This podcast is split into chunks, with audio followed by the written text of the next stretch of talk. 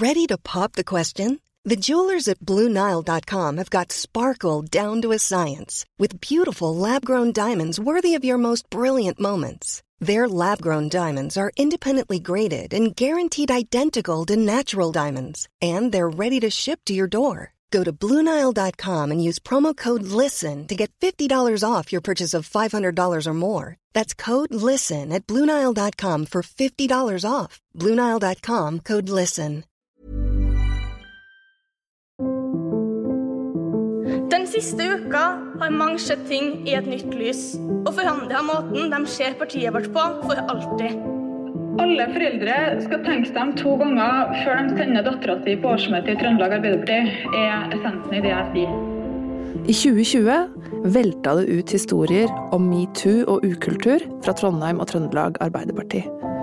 Da Giske-saken sto på tre år tidligere, var det stille fra jentene i Trøndelag. Men nå kom det.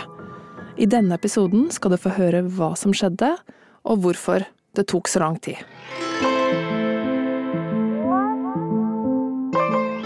Vi skal få høre at det satt langt inne for unge AUF-ere å gå ut i pressen. Jeg er jo oppdratt i Arbeiderpartiet der liksom journalister er slem, og at man skal unngå å snakke med journalister fordi de har alltid verste mening i, i tankene. på en måte alltid liksom om å gjøre å ta Arbeiderpartiet. Du hører på Rått parti, en podkast fra Adresseavisa. Episode fire da metoo kom til Trøndelag.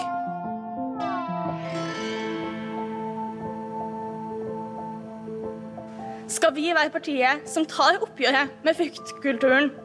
Skal vi være partiet som går framover og ikke bakover? Endelig kom metoo til Trøndelag.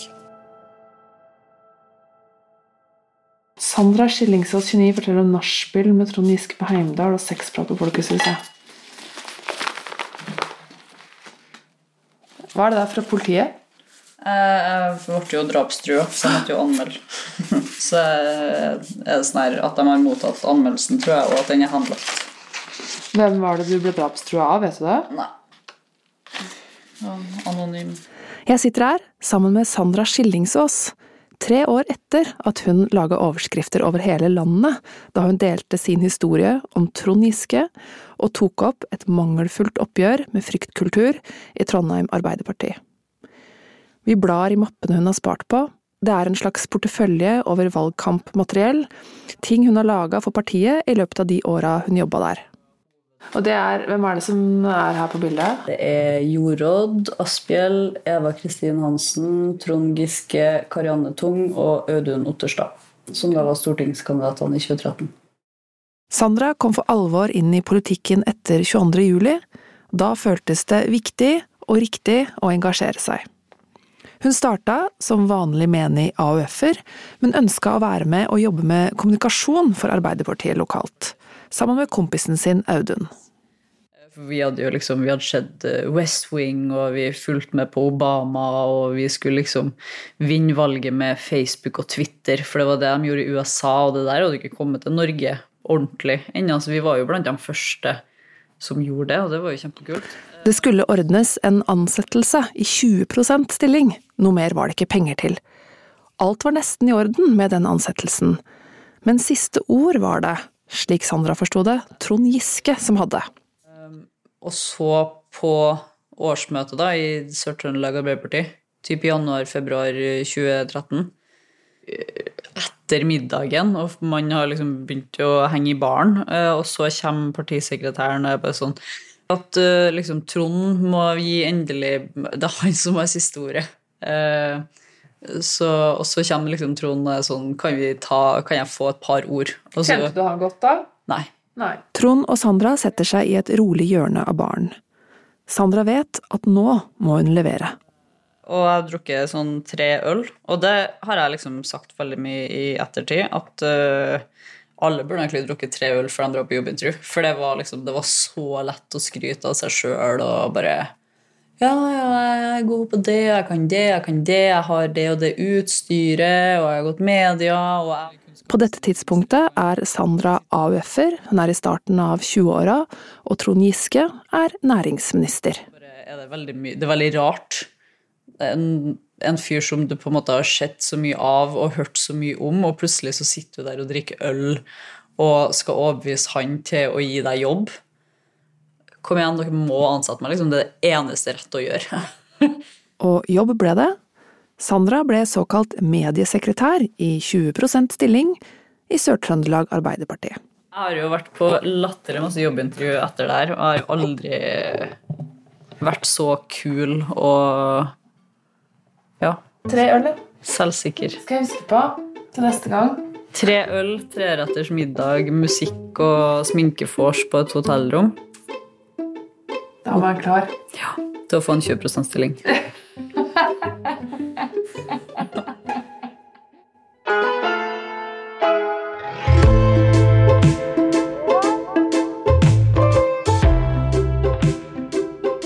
La oss stoppe litt ved dette bildet. To mennesker sitter i en bar. Og det skjedde ingenting ubehagelig i den baren den dagen. Snarere tvert imot. Sandra fikk jobb og var lykkelig over det. Det var en kjempefin og litt artig opplevelse. Men ubalansen i maktforholdet, den asymmetrien, den er vesentlig for denne historien. For det metoo-oppgjøret i Trondheim og Trøndelag Arbeiderparti egentlig handla om, var et oppgjør med en maktkultur og en fryktkultur. Sandras klare oppfatning var at å havne på kant med Trond Giske og hans nærmeste, det kunne bety at karrieren din i Arbeiderpartiet var over før den i det hele tatt hadde begynt. Etter å ha snakka med Sandra, så har jeg kontakta Trond Giske. Jeg ville selvfølgelig ha hans versjon, både av jobbintervjuet, i gåsetegn, og generelt. Om hans mektige, umotsigelige rolle i Trondheim Arbeiderparti. Men Trond Giske har ikke ønska å delta i denne podkasten for å opplyse disse tinga. I etterkant av publiseringene i 2020 så klagde Giske inn Adressa, Aftenposten, Stavanger Aftenblad og Fedrelandsvennen til PFU, Pressens faglige utvalg. I klagen skrev han at avisen publiserte alvorlige anklager om faktiske forhold som ikke ble dokumentert nok. Alle avisene ble frikjent i PFU. I 2017 16. oktober publiserte den amerikanske skuespilleren Alyssa Milano en tweet. Og resten er metoo-historie. Metoo slo inn over kystene i de fleste vestlige land, og i Norge, her til lands, så tok det ikke lang tid før Giske-saken var et faktum. Trond Giske har opptrådt kritikkverdig, sier Jonas Gahr Støre. Giske er straks med direkte her i Dagsrevyen. Han sier han beklager sterkt. Trond Giske, eh, du sier eh, du har skjønt at du har opptrådt eh, på en måte som har vært upassende. Hva er det du nå beklager? Jeg beklager at jeg har opptrådt på en måte som enkeltmennesker har opplevd som upassende eller ubehagelig. Det må jeg legge på min kappe. Det er min skyld. Dette var jo en av de siste dagene før juleferien hvor Giske-saken, som den ble kalt da, da var uh, overalt i mediene. Det kokte på Facebook overalt. og da ble jeg oppringt, da jobber jeg i Adresseavisa fra Dagsrevyen, for å komme og kommentere siste utvikling. Tone Sofie Aglen, som nå er politisk kommentator i NRK, jobba den gangen som politisk redaktør i Adresseavisa. Hun ble, i anledning Giske-saken, flydd inn til Oslo for å være på Dagsrevyen og kommentere unnskyldninga og hvordan Giske nå lå an. Er det den unnskyldningen eller beklagelsen som Trond Giske kom med, nok til å roe situasjonen for Arbeiderpartiet nå? Ja, han var jo så ydmyk som det er mulig å bli, uten at vi vet hva han egentlig har gjort. Jeg tror nok det handler veldig mye om at det kommer flere saker. Dersom det ikke kommer flere saker, så tror jeg nok situasjonen vil roe seg. Men jeg tror nok ikke at hans tillit eh, har styrka seg med det her, og det vil nok handle mye om hva slags karriere han vil få videre i partiet. Kjetil Astheim, er dette nok? Dette er ikke nok. Symptomatisk nok så var det trønderen eh, Tone Sofie som var mildest med Giske den dagen. Aftenpostens kommentator, Kjetil Alstaheim, var ikke overbevist. Og sånn ble det jo litt etter metoo. Trond Giske trakk seg fra alle nasjonale verv, bortsett fra Stortinget, som han måtte sitte på ut perioden. og vendte snuten hjem til Trøndelag.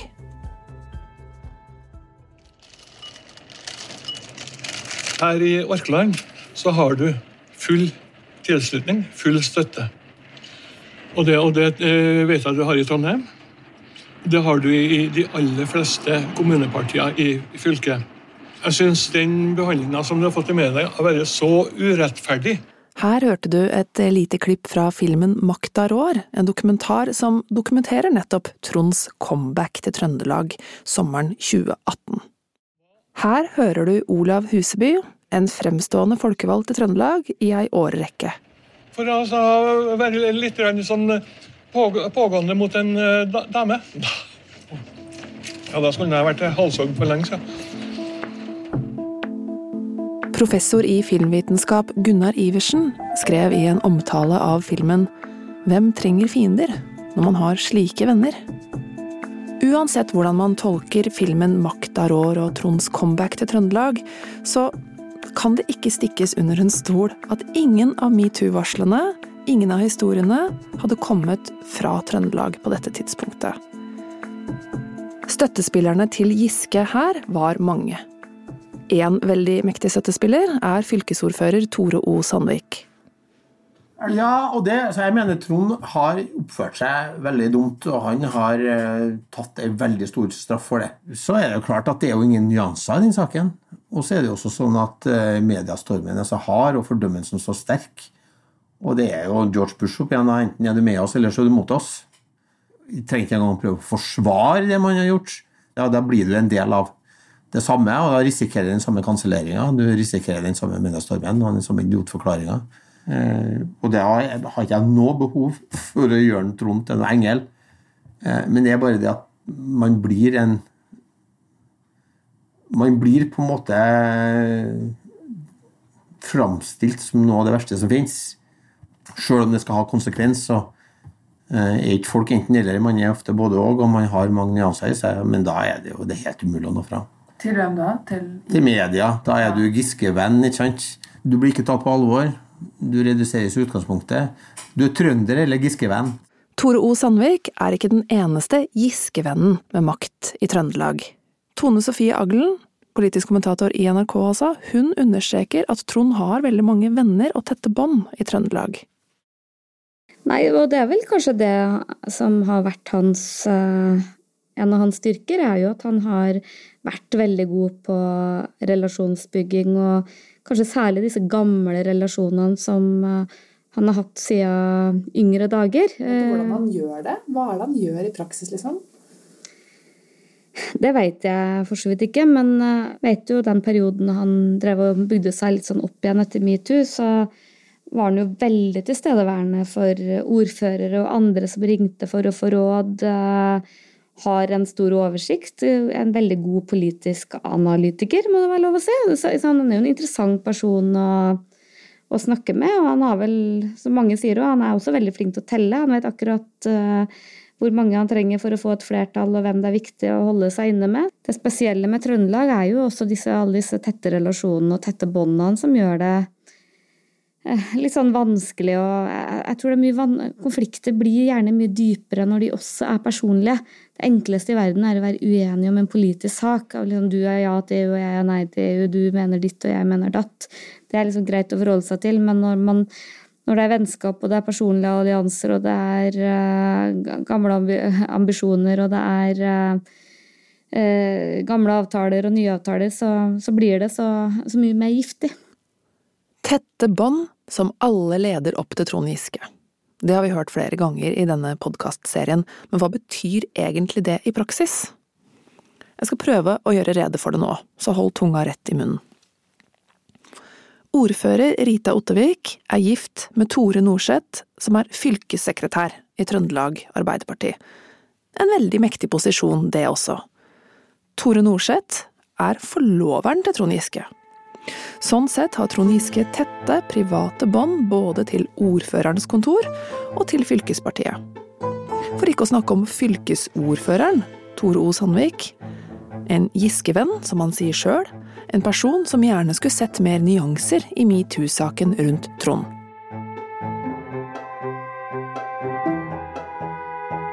Hanne Mo Bjørnbøtt har vært leder av Trondheim Arbeiderparti de siste ti åra, helt hun gikk av nå i 2023.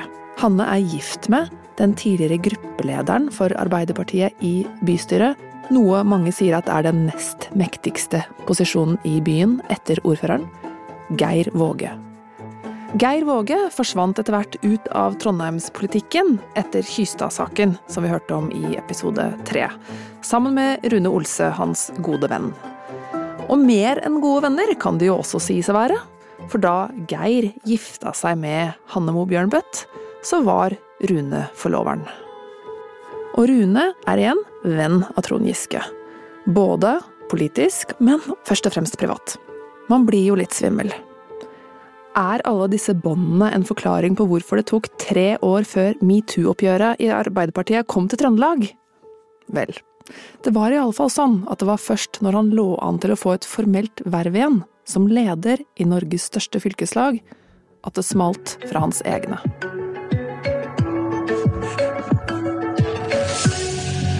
I Politisk kvarter møter du den tidligere AUF-leieren i Trondheim som sier hun burde sagt fra ei rekke ganger. Eh, Ellen Reitan, du var eh, AUF-leder i eh, Trondheim og medlem av bystyret. Og i går skrev du en kronikk i Trønderdebatt som vekte oppsikt. Der skrev du jeg burde sagt fra da jeg var 17 og 20 og 23, men du sier fra nå. Hva konkret er det du vil si fra om?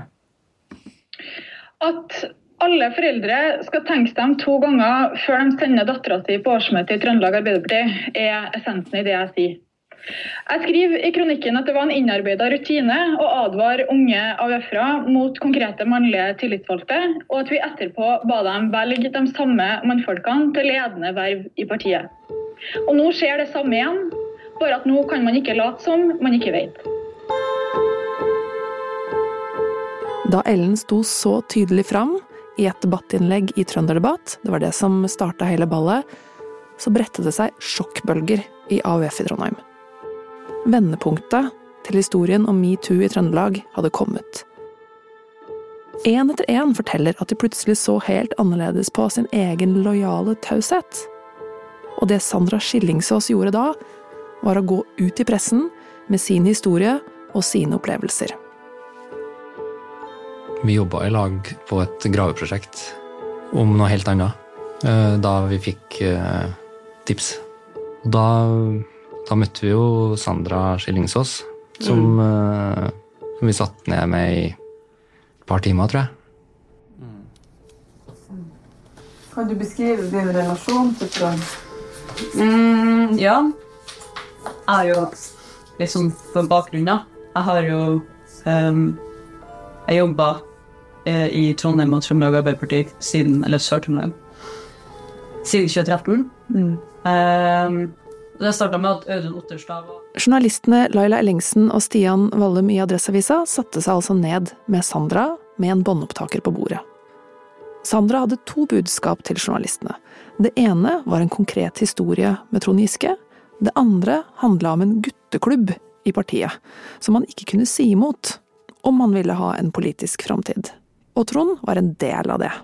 Hvis du går imot Trond, så uh, har man en tendens til å forsvinne, eller ikke få noen nye muligheter. Mm. Fordi altså han liksom ja, har styrt med jernhånd. Og ja, som Ellen også skrev, at én ting er jo på en måte Trond, han har jo ikke kunnet gjort det her alene, mm. men det er jo sånn her alle rundt har jo vært venner eller forlovere. Eller eh, ja. Så de har liksom rigga seg bra.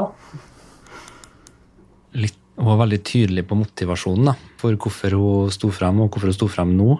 Hva var så Hun ville hata seg sjøl mer hvis hun ikke sa fra når eh, hun hadde sjansen, enn uh, hvis hun sa fra. For det er jo morsomt at det kommer til å skape uh, mange problemer for henne videre framover.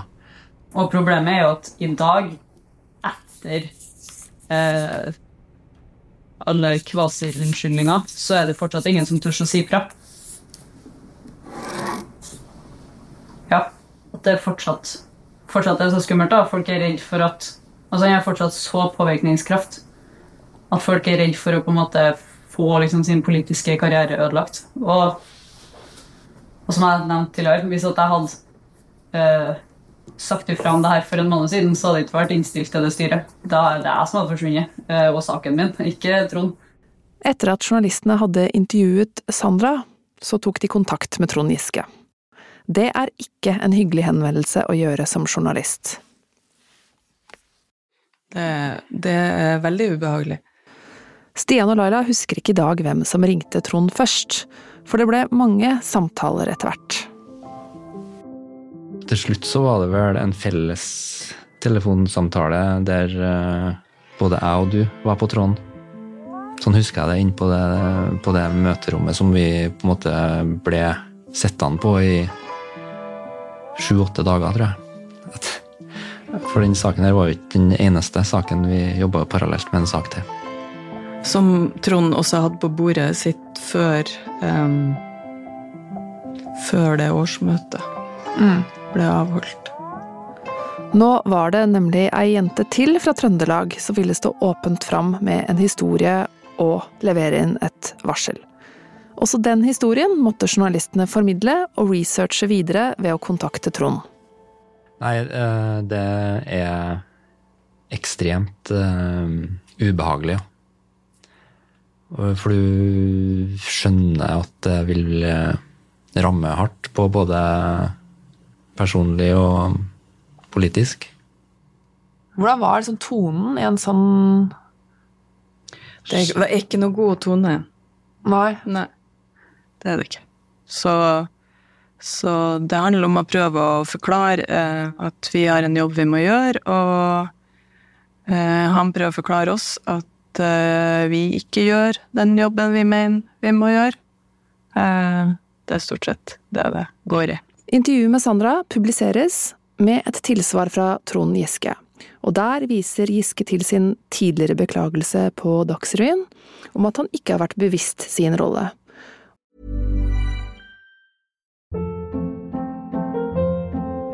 Hold up. What was that? Boring. No flavor. That was as bad as those leftovers you ate all week. Kiki Palmer here, and it's time to say hello to something fresh and guilt-free. Hello Fresh. Jazz up dinner with pecan-crusted chicken or garlic butter shrimp scampi. Now that's music to my mouth. Hello Fresh. Let's get this dinner party started. Discover all the delicious possibilities at hellofresh.com.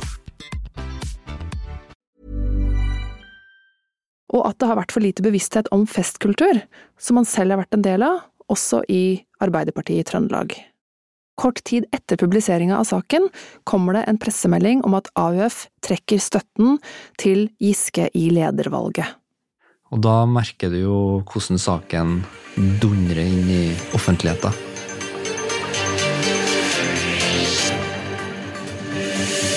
Trøndelag AUF trekker støtten til Trond Giske som ny fylkesleder i Arbeiderpartiet. Nå har valgkomiteen kalt inn til krisemøte i kveld. Trøndelag velger selv sine ledere, men når det valget smerter og skader oss alle, så syns jeg at det er riktig å, å gi Det er veldig mange som vil signere. eh, og det er spørsmål Flere av Giskes kolleger i stortingsgruppa støtter oppropet.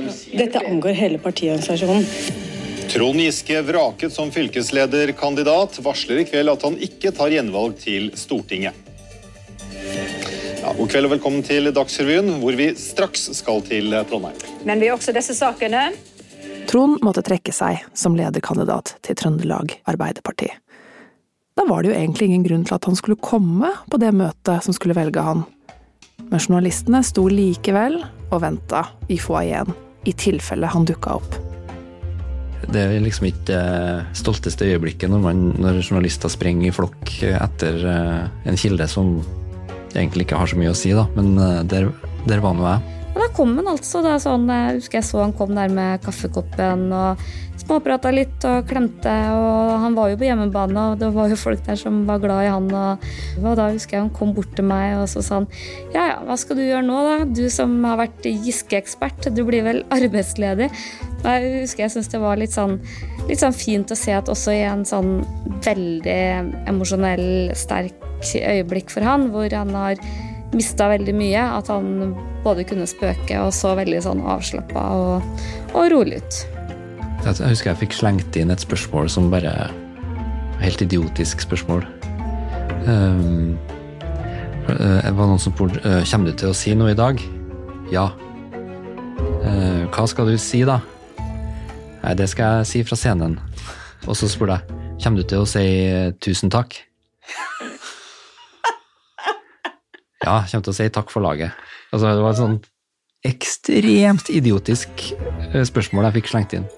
Ja, det hadde jo vært noen lange arbeidsdager for Stian Vallum på dette tidspunktet, så kanskje ikke så rart at det stokka seg litt. Og arbeidsuka er langt fra over, for foran seg har de frammøtte et helt spesielt dramatisk årsmøte i Trøndelag Arbeiderparti. Politisk kommentator i NRK på den tida, Magnus Takom, virka oppriktig sjokkert når han rapporterte hjem til Oslo. Ja, Dette er et politisk møte jeg aldri kommer til å glemme og ikke har vært med på maken til. Da er neste taler eh, her fra talerstolen i Trondheim, Tyra Joarsdottir. Og deretter skal vi til Jeg tror vi skal til Steinkjer. Bjørn Helmersen. Eh, vær så god, Tyra. Kjære årsmøte. I dag står vi i et veiskille. Vi står mellom fortida og fremtida. Den siste uka har mange sett ting i et nytt lys og forandra måten de ser partiet vårt på, for alltid. Det har vært tøft å lese Sandra og Ellen sine treffende beskrivelser av hvordan det er å være kvinne i bevegelsen. Og det er tøft å bli minnet på at vi ikke har turt å si ifra. At en fryktkultur har holdt oss tilbake for å skape endringer som er nødvendig. Gina Berre, Ellen Reitan, Sandra Skillingsås. Dere er mine politiske forbilder. Tusen, tusen takk. Endelig kom metoo til Trøndelag. Og det var kanskje som forventa at AUF-erne ville bruke taletida si til å vise et standpunkt. Men det som kom som et fullstendig sjokk på forsamlingen, var det som skjedde under Trond Giskes avskjedstale. På veggen min hjem så henger det ei plakat med bilde av ei jente fra et fattig land. Over plakaten står det 'What do you wanna be when you grow up'? Under står det på engelsk 'Alive' i livet. Eh, Trond Giske, som nå trekker seg fra all partipolitikk, holdt tale som mange oppfattet som eh, forsonlig.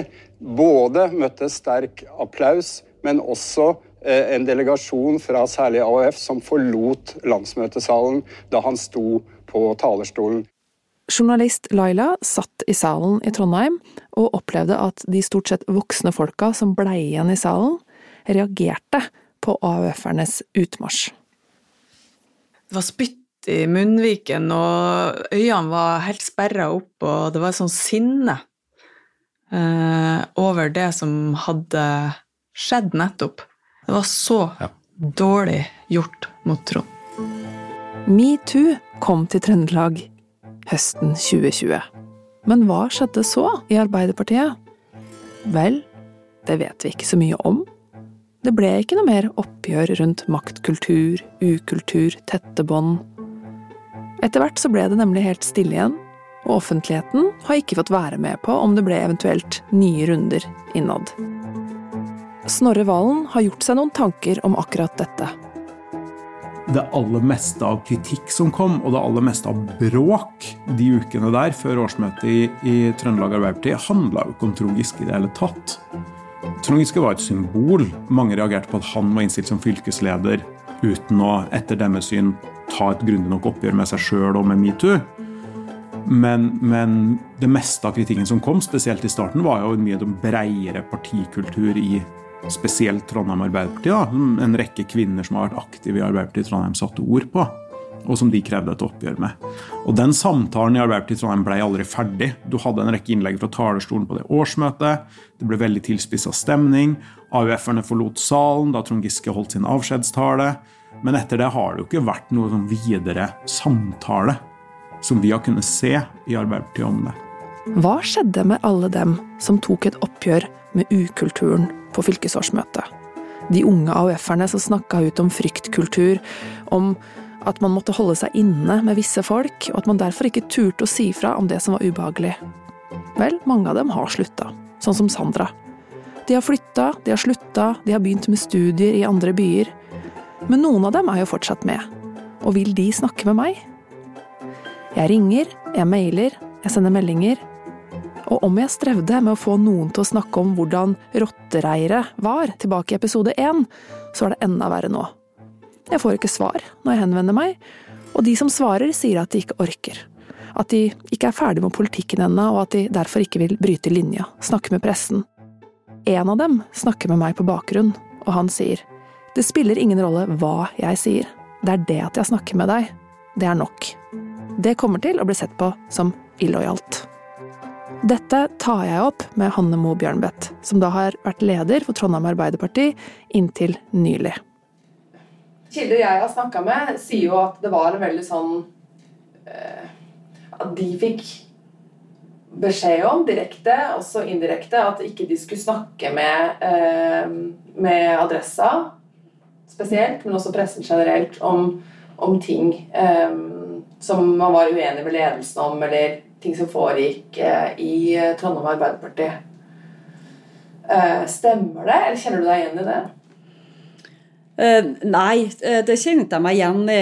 Uh, men det er jo nyanser i det der òg. For jeg mener jo at det å ha politisk diskusjon, både i, i, møter og i ulike partisammenhenger, og i media, det mener jeg at det er fritt frem for, og har alltid vært fritt frem for.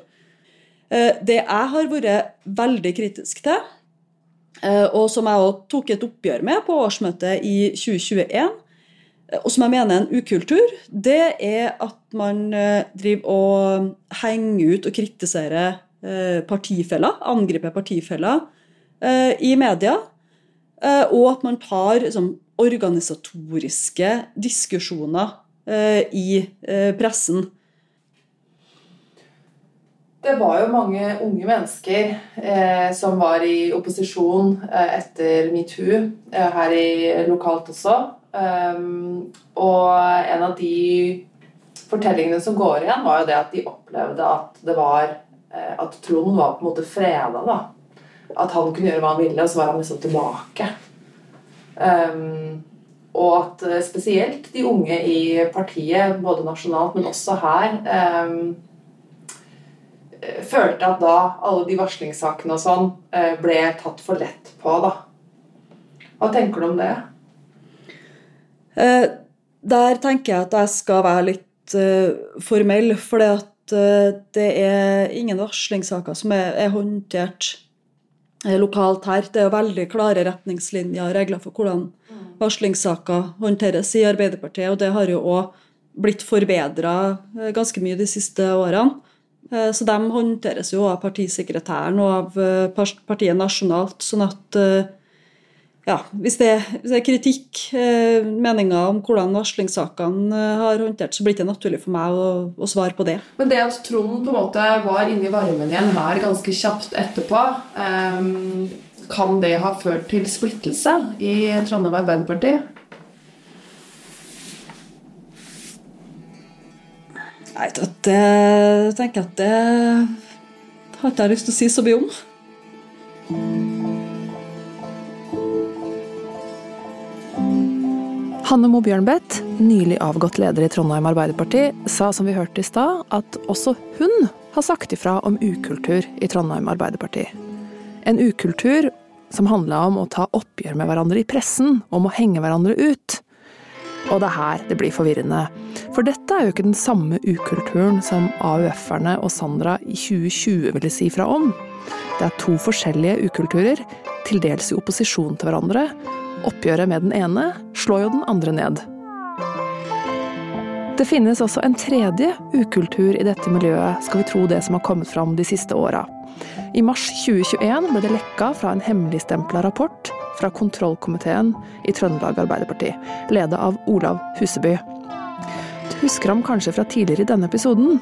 Det er han som sitter i campingvogna sammen med Trond Giske i filmen 'Makta rår', og sier at Giske har full støtte i Trøndelag, og at om det handla om å bare være litt pågående mot en dame, så hadde nå han blitt halshogd for lenge siden.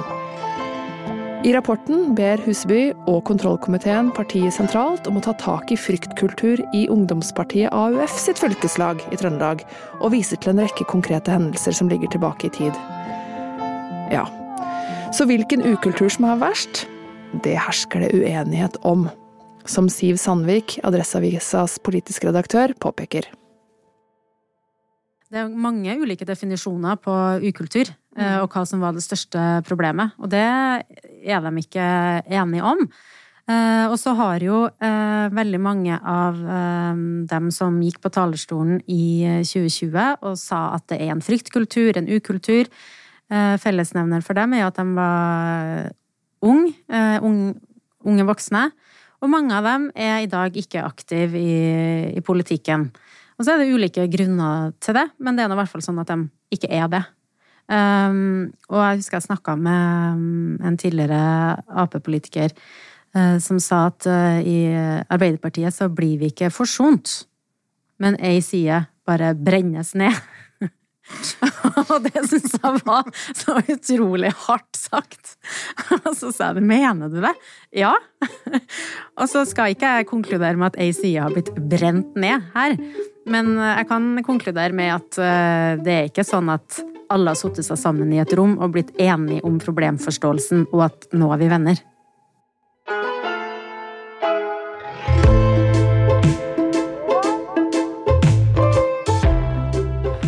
En av dem som forsvant ut av Trondheim og Trøndelag Arbeiderparti etter 2020-opprøret, var nettopp Sandra Skillingsås. Hun er jo ikke mindre engasjert i politikk, men etter alt som skjedde, så var ikke lysten til å være aktiv i Trondheim og Trøndelag så sterk. Nå, i dag, er det tre år siden det dramatiske årsmøtet i Trøndelag Arbeiderparti. Det er tre år siden Sandra sto fram i Adresseavisa og ble sitert overalt den dagen og i dagene som fulgte. Hvordan var det å bli skrevet om i alle landets aviser? Det var kjemperart. Det var veldig eh, passivt. Det var Ja, det var jo veldig intenst, da. Og jeg visste jo, jeg visste jo at det kom til å bli intenst, eh, sånn sett. Men eh, det toppa seg kanskje når det var en journalist som kom på døra uanmeldt. Ehm, fikk du mye meldinger fra folk den dagen? Eller hva, hva var liksom Hvordan var feeden din, på en måte? Det var, også, det var også sykt. Jeg satt jo hele dagen Jeg hadde to venninner som visste at den saken skulle komme. Eh, som kom og bare satt med meg, og som kunne ha litt hjemmekontor. Så vi hadde hjemmekontor hjem til meg. Jeg hadde hjemmekontor. Eh, bare for å liksom Ja. Fordi det var så intenst, da jeg ble omtalt i sånne, sånne mannegrupper, Ottar-grupper og sånn, som var ikke ja, som var ekkelt, da. Men det var veldig bra å ha de her jentene der. Så vi satt egentlig bare og gjorde narr av alt. Men eh, det var, det var mye rart. Høyt og lavt. Og masse meldinger fra alt mulig rart. Også eh, Jeg fikk jo en del meldinger fra fra andre damer fra Arbeiderpartiet før oss. Damer som jeg ikke har møtt før, fordi at de var jo borte innen jeg ble aktiv. Eh, som sa det samme, da. At det var likeens når de var aktive og når de var unge. Eh, og, og, her må jeg igjen understreke at disse tidligere Arbeiderpartikvinnene snakka om en generell ukultur, og ikke om Trond Giske spesielt. Eh, og de sa unnskyld for at de ikke eh, sa fra når det var dem som sto i det, liksom, men at de gidda ikke. De trakk seg eller bare ut i stedet. og liksom, De hadde dårlig samvittighet fordi at vi ble satt i den situasjonen vi ble satt i. da, Så det var veldig sykt. Og så fikk jeg også melding fra ei som, som sa at uh, hun på et tidspunkt hadde blitt tilbudt trekant med meg av en annen partimann Eh, på et partiarrangement som bare liksom ja, styrka altså trua på at det var rett å gå ut med det her, da. Det var en ukultur der som Det var ikke innbilning, liksom. Det var, det var et oppgjør som måtte bli tatt, liksom. Hun hadde blitt tilbudt trekant med deg og en mann i partiet? Ja. Uten at du var klar over det? Det ante jeg ikke. ja, jeg visste ikke eh, Nei, nei, det var Ja. Hørte du noe fra de som hadde ansvaret i Trondheim Arbeiderparti på denne tida, og folk rundt uh, Trond Giske? Alt hadde jo skjedd veldig fort. Altså, den offisielle innstillinga med Trond på topp og meg som styremedlem hadde kommet i starten av uka eller før, før helga, eller ja. Um, så Og det var jo kjempeskummelt, egentlig, hele opplegget. Jeg syns jo det var dritskummelt å skulle møte de her to journalistene fra Adressa.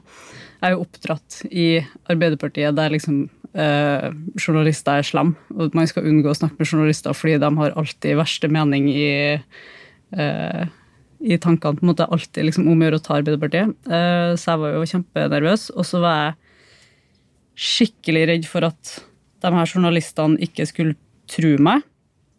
Jeg var skikkelig redd for at eh, for at de skulle tro at det var en sånn maktkamp à la Oslo. da. Jeg var veldig redd for å si noe som, eh, som ikke stemte. Men så Jeg vet ikke om det var rett før eller under intervjuet eller eh, etterpå, så begynner de å ringe fra, fra liksom partiet Altså lederne i partiet, da. For da tror jeg de hadde lukta lunta, da.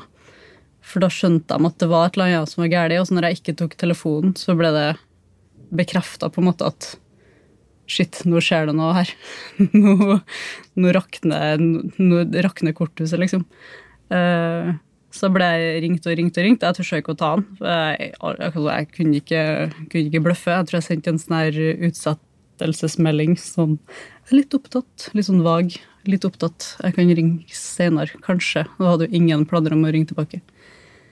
Og så, etter intervjuet er ferdig, og dagen etterpå, men før, uh, før det skal publiseres, og før, uh, før Trond da har fått uh, mail fra adressa, så får jeg melding fra Trond. der han tilbyr meg jobb på partikontoret. Og så, Den svarte jeg ikke på, og så et par timer etterpå så får jeg melding om at nå har han snakka med adressa. Nå skjønner han på en måte hvorfor Altså, det var, det var lukt i den lunta, liksom. Hvordan tolker du den første meldinga du fikk fra han den dagen der, da, før saken var ute? Jeg, jeg tenkte, og det sa jeg, for jeg sendte screenshot av den meldinga til, til, Laila og Stian, og var bare sånn her Det her er for å få meg til å ombestemme meg, liksom. Altså, de vet ikke hva som skjer nå, men de skjønner at noe skjer. De har skjønt at jeg er en del av det, og jeg har alltid liksom vært gira på, på det, å få de her jobbene, liksom. og det var jo altså helt ja, helt oppriktig, det er liksom en av de kuleste jobbene jeg har hatt. I en ideell verden med ideelle folk så skulle jeg kunne jobba der for alltid, omtrent. Uh, I Arbeiderpartiet? Ja. Med den typen, uh, typen jobb. Men uh, jeg tror den meldinga var for å få meg til å ombestemme meg, da, uansett hva det var jeg pønska på. hva, er, hva er din rolle i Arbeiderpartiet i dag? ingen.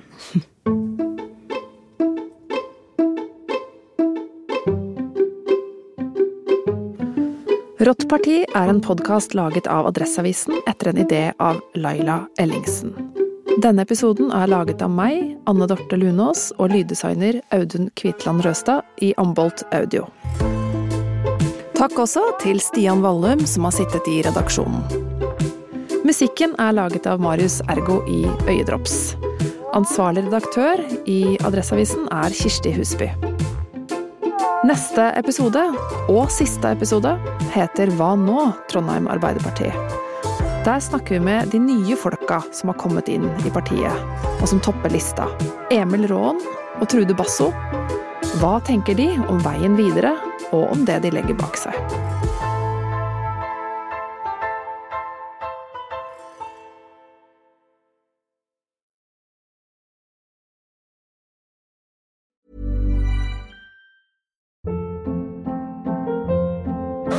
Hold up. What was that? Boring. No flavor. That was as bad as those leftovers you ate all week. Kiki Palmer here, and it's time to say hello to something fresh and guilt-free. Hello Fresh. Jazz up dinner with pecan-crusted chicken or garlic butter shrimp scampi. Now that's music to my mouth. Hello Fresh. Let's get this dinner party started. Discover all the delicious possibilities at hellofresh.com.